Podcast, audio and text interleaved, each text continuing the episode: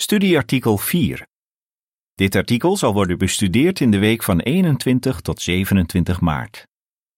Waarom we de gedachtenisviering bijwonen. De thematekst: Blijf dit doen om mij te gedenken. Lucas 22, vers 19. Lied 20. U gaf uw eigen zoon. Vooruitblik. Ongetwijfeld kijk je elk jaar uit naar de gedachtenisviering of je nu in de hemel hoopt te leven of in een paradijs op aarde. Dit artikel laat zien welke goede bijbelse redenen we hebben om aanwezig te zijn en wat de voordelen zijn. Alinea 1 en 2, de A-vraag. Wanneer denk je vooral aan een dierbare die is overleden? De B-vraag. Wat deed Jezus op de avond voor zijn dood? Als je een dierbare in de dood hebt verloren, zul je nog vaak aan hem denken, hoe lang het ook geleden is. Vooral de dag waarop hij is overleden brengt vaak levendige herinneringen naar boven. Elk jaar zijn er wereldwijd miljoenen mensen die samenkomen op de sterfdag van iemand die ons heel dierbaar is, Jezus Christus. Wij komen bij elkaar om degene te gedenken die zijn leven gaf als losprijs om ons te bevrijden van zonde en de dood. In feite wilde Jezus graag dat zijn volgelingen zijn dood zouden herdenken. De avond voor zijn dood stelde hij een speciale viering in en gaf hij de opdracht: Blijf dit doen om mij te gedenken. Lucas 22, vers 19. De voetnoot luidt: Die woorden zijn ook wel vertaald met tot mijn gedachtenis, herziene statenvertaling, en om aan mij te blijven denken, Bijbel in gewone taal. Einde voetnoot. Alinea 3. De vraag. Wat gaan we in dit artikel bespreken? Een klein aantal van degenen die de herdenking van Christus dood bijwonen, heeft een hemelse hoop. Maar er zijn ook miljoenen aanwezigen met een aardse hoop. Dit artikel laat zien waarom beide groepen elk jaar graag naar de gedachtenisviering gaan. Het laat ook uitkomen waarom het goed is aanwezig te zijn. Laten we eerst eens bekijken waarom de gezalfden gaan. Waarom gezalfden aanwezig zijn. Alinea 4, de vraag. Waarom nemen de gezalfden deel aan het avondmaal? Gezalfden kijken er elk jaar naar uit de gedachtenisviering bij te wonen als deelnemers. Ze nemen eraan deel door van het brood te eten en van de wijn te drinken. Waarom doen ze dat? Denk eens aan wat er gebeurde op de laatste avond van Jezus' leven op aarde. Na de paaschaamaaltijd stelde Jezus een herdenking in die bekend kwam te staan als het avondmaal van de Heer. Hij gaf het brood en de wijn door aan zijn elf trouwe apostelen en zei dat ze ervan moesten eten en drinken. Hij sprak over twee verbonden of overeenkomsten, het nieuwe verbond en het koninkrijksverbond. Die verbonden maakten het voor de apostelen en een beperkt aantal anderen mogelijk om koningen en priesters in de hemel te worden. Alleen leden van het gezalfde overblijfsel, die in die verbonden zijn opgenomen, mogen op het avondmaal van het brood en de wijn gebruiken. De voetnoot luidt: term toegelicht. Het woord overblijfsel duidt op de overgebleven gezalfde christenen die nog op aarde zijn. Einde voetnoot. Alinea 5. De vraag: wat voor hoop hebben de gezalfden gekregen? De gezalfden hebben nog een reden waarom ze graag naar het avondmaal gaan. Het geeft ze namelijk de kans om over hun hoop na te denken.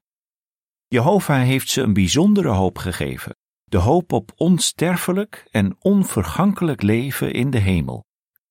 Daar zullen ze dienen met de verheerlijkte Jezus Christus en de rest van de 144.000. Bovendien zullen ze zich in aanwezigheid van Jehovah zelf bevinden. De gezalfden beseffen dat ze voor zulke voorrechten in de hemel zijn uitgenodigd. Maar om toegang te krijgen tot de hemel, moeten ze tot hun dood trouw blijven. Het geeft ze veel vreugde over hun hemelse hoop na te denken. En de andere schapen, waarom wonen zij het avondmaal bij? Waarom de andere schapen aanwezig zijn? Alinea 6, de vraag. Waarom wonen de andere schapen elk jaar het avondmaal bij? De andere schapen bezoeken het avondmaal niet als deelnemers, maar als toeschouwers.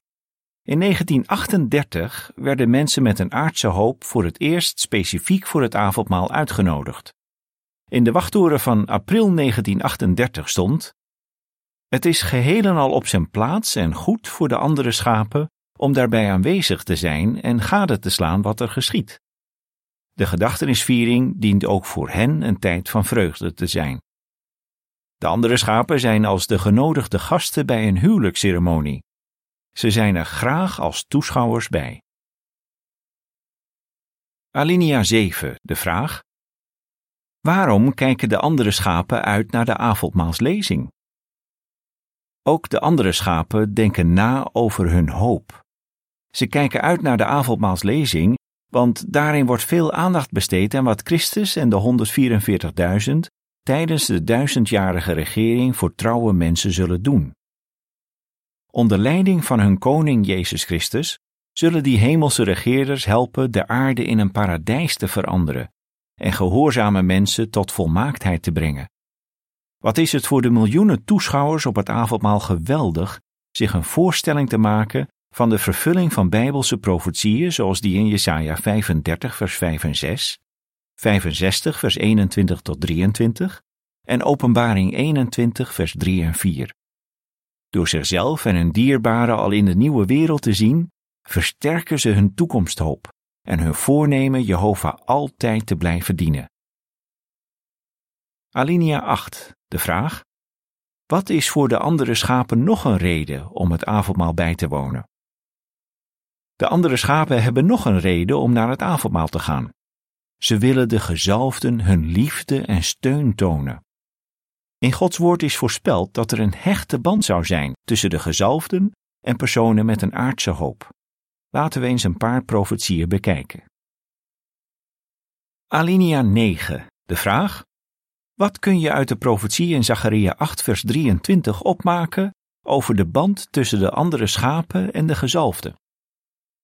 In Zacharia 8 vers 23 staat: Dit zegt Jehovah van de legermachten. In die dagen zullen tien mannen uit alle talen van de volken het gewaad van een Jood vastgrijpen. Ja, ze zullen het stevig vastgrijpen en zeggen: Wij willen met jullie meegaan, want we hebben gehoord dat God met jullie is. Deze profetie schildert een mooi beeld van wat de andere schapen voor hun gezalfde broeders en zusters voelen. De woorden een Jood en jullie duiden op dezelfde groep, het gezalfde overblijfsel. De tien mannen uit alle talen van de volken zijn een afbeelding van de andere schapen. De profetie laat zien dat zij de gezalfden stevig vastgrijpen, zich loyaal aan hen hechten en zich bij hen aansluiten in de zuivere aanbidding. Door op het avondmaal aanwezig te zijn, laten de andere schapen dus zien hoezeer ze aan de gezalfden gehecht zijn.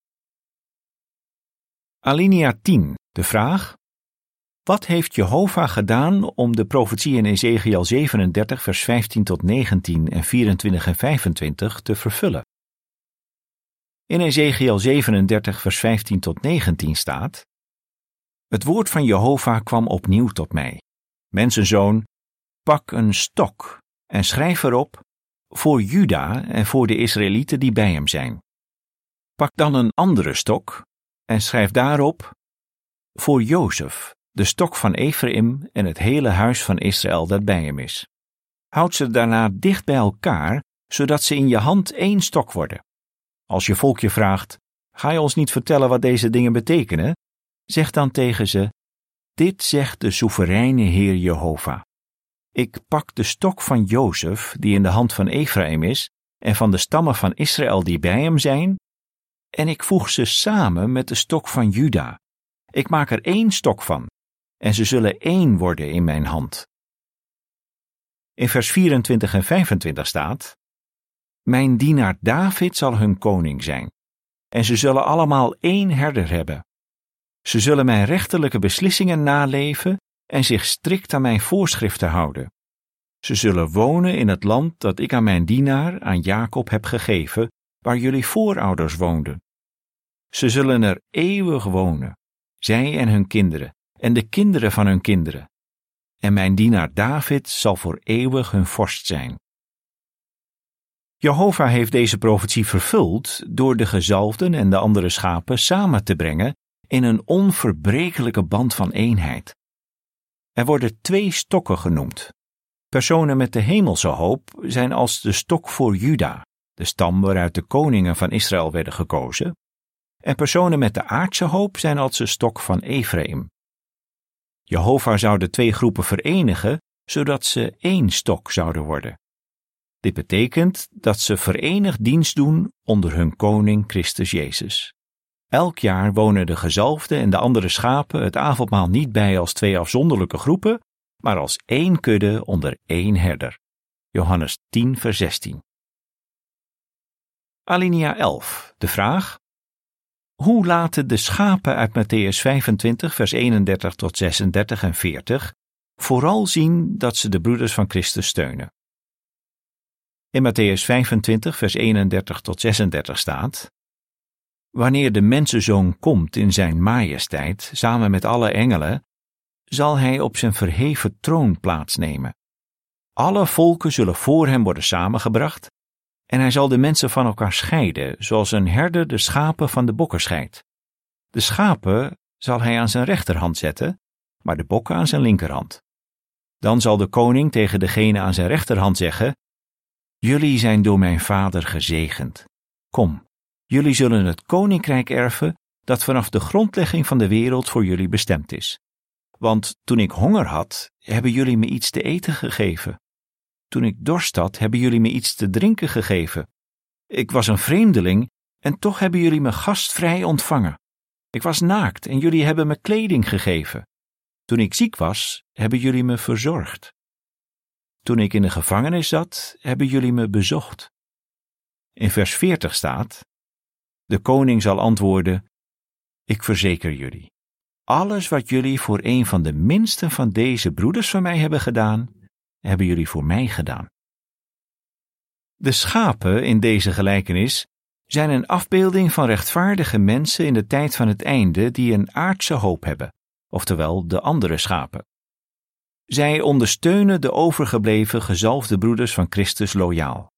Dat doen ze vooral door ze te helpen bij een enorme taak, overal ter wereld prediken en discipelen maken.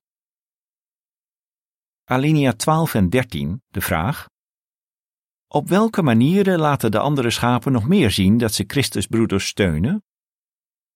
Elk jaar laten de andere schapen in de weken voor het avondmaal zien dat ze Christus broeders steunen door hun uiterste best te doen in een wereldwijde campagne om geïnteresseerden voor het avondmaal uit te nodigen.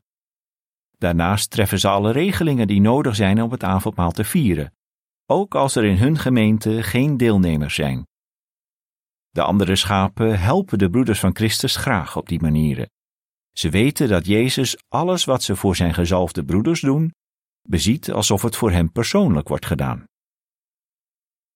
Wat zijn nog meer redenen om ongeacht je hoop de gedachtenisviering bij te wonen? Kader. Hoe bereid jij je voor op het avondmaal? Voor het avondmaal.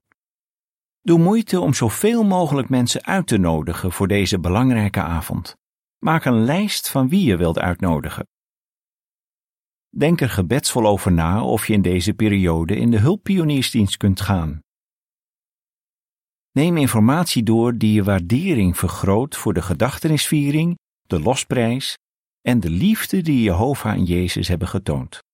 Lees bijvoorbeeld hoofdstuk 14 en 23 van het boek Nader dicht tot Jehovah en hoofdstuk 17 van het boek Kom, wees mijn volgeling.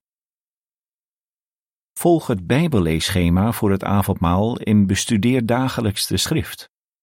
Neem de tijd om te mediteren over Jezus' laatste dagen op aarde, zijn dood en zijn opstanding. Op de avond zelf. Wees ruim op tijd, zodat je bezoekers en inactieven kunt verwelkomen. Let tijdens de lezing goed op en volg de spreker in je Bijbel als hij teksten leest en uitlegt. Praat na afloop met een bezoeker en beantwoord vragen die hij misschien heeft. Als hij belangstelling toont, Regel dan dat je hem kunt bezoeken of vraag iemand anders dat te doen. Na het avondmaal.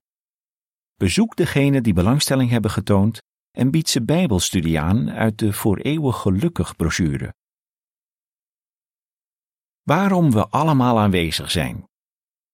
Alinea 14, de vraag. Hoe hebben Jehovah en Jezus liefde getoond? We zijn dankbaar voor de liefde van Jehovah en Jezus. Jehovah heeft op heel wat manieren zijn liefde voor ons getoond. Maar zijn grootste uiting van onzelfzuchtige liefde is dat hij zijn geliefde zoon stuurde om voor ons te lijden en te sterven. En Jezus toonde veel liefde door bereidwillig zijn leven voor ons te geven. We kunnen Jehovah en Jezus nooit terugbetalen. Maar je kunt wel je dankbaarheid tonen door hoe je je leven leidt. Bovendien kun je naar het avondmaal gaan om aan hun liefde te denken en je eigen liefde te uiten. Alinea 15, de vraag. Waarom hebben zowel de gezalfde als de andere schapen veel waardering voor de losprijs? We hebben veel waardering voor de losprijs. De gezalfde hechten er veel waarde aan, omdat ze er hun mooie hoop aan te danken hebben. Omdat ze in Christus offer geloven, heeft Jehovah ze rechtvaardig verklaard en als zijn kinderen geadopteerd. Ook de andere schapen zijn dankbaar voor de losprijs. Op basis van hun geloof in het vergoten bloed van Christus zijn ze rein in Gods ogen, kunnen ze heilige dienst voor hem doen en hebben ze de hoop uit de grote verdrukking te komen. Openbaring 7, vers 13 tot 15. Zowel de gezalfde als de andere schapen tonen hun dankbaarheid voor de losprijs door elk jaar aanwezig te zijn op het avondmaal. Alinea 16, de vraag: Wat is nog een reden om het avondmaal bij te wonen? We willen Jezus gehoorzamen. Ook dat is een goede reden om naar het avondmaal te gaan. Ieder van ons voelt zich, ongeacht zijn hoop voor de toekomst, gedrongen om het gebod op te volgen dat Jezus gaf op de avond dat hij de gedachtenisviering instelde. Blijf dit doen om mij te gedenken. 1 Corinthiërs 11, vers 23 en 24. De voordelen van je aanwezigheid. Alinea 17, de vraag. Hoe helpt de gedachtenisviering je om dichter tot Jehovah te naderen? Je nadert dichter tot Jehovah. Zoals we hebben gezien, geeft de gedachtenisviering je de kans te mediteren over de hoop die Jehovah ons heeft gegeven en de liefde die Hij heeft getoond. Als je nadenkt over je gefundeerde hoop voor de toekomst en Gods nooit falende liefde voor ons, verdiep je je eigen liefde voor Jehovah en versterk je je band met Hem. Alinea 18, de vraag: Waartoe word je gemotiveerd als je over Jezus voorbeeld mediteert? Je wordt ertoe bewogen Jezus voorbeeld te volgen. In de periode voor het avondmaal verdiep je je in Bijbelverslagen over Jezus' laatste week op aarde, zijn dood en zijn opstanding. En op de avond zelf word je in de lezing herinnerd aan Jezus' liefde voor ons. Als je over Jezus' voorbeeld van zelfopoffering leest en mediteert, voel je je gedrongen om de weg te volgen die Hij heeft gevolgd. 1 Johannes 2 vers 6 Alinea 19, de vraag: Hoe kun je in Gods liefde blijven? Je versterkt je besluit om in Gods liefde te blijven. Om in Gods liefde te blijven moet je je uiterste best doen Hem te gehoorzamen, Zijn naam te heiligen en Zijn hart te verheugen. De gedachtenisviering geeft je nog meer motivatie om elke dag met je manier van leven tegen Jehovah te zeggen: Ik wil voor eeuwig in uw liefde blijven. Alinea 20, de vraag: Welke goede redenen hebben we om het avondmaal bij te wonen? Er zijn goede redenen om het avondmaal bij te wonen, of je nu voor eeuwig in de hemel of op aarde hoopt te leven.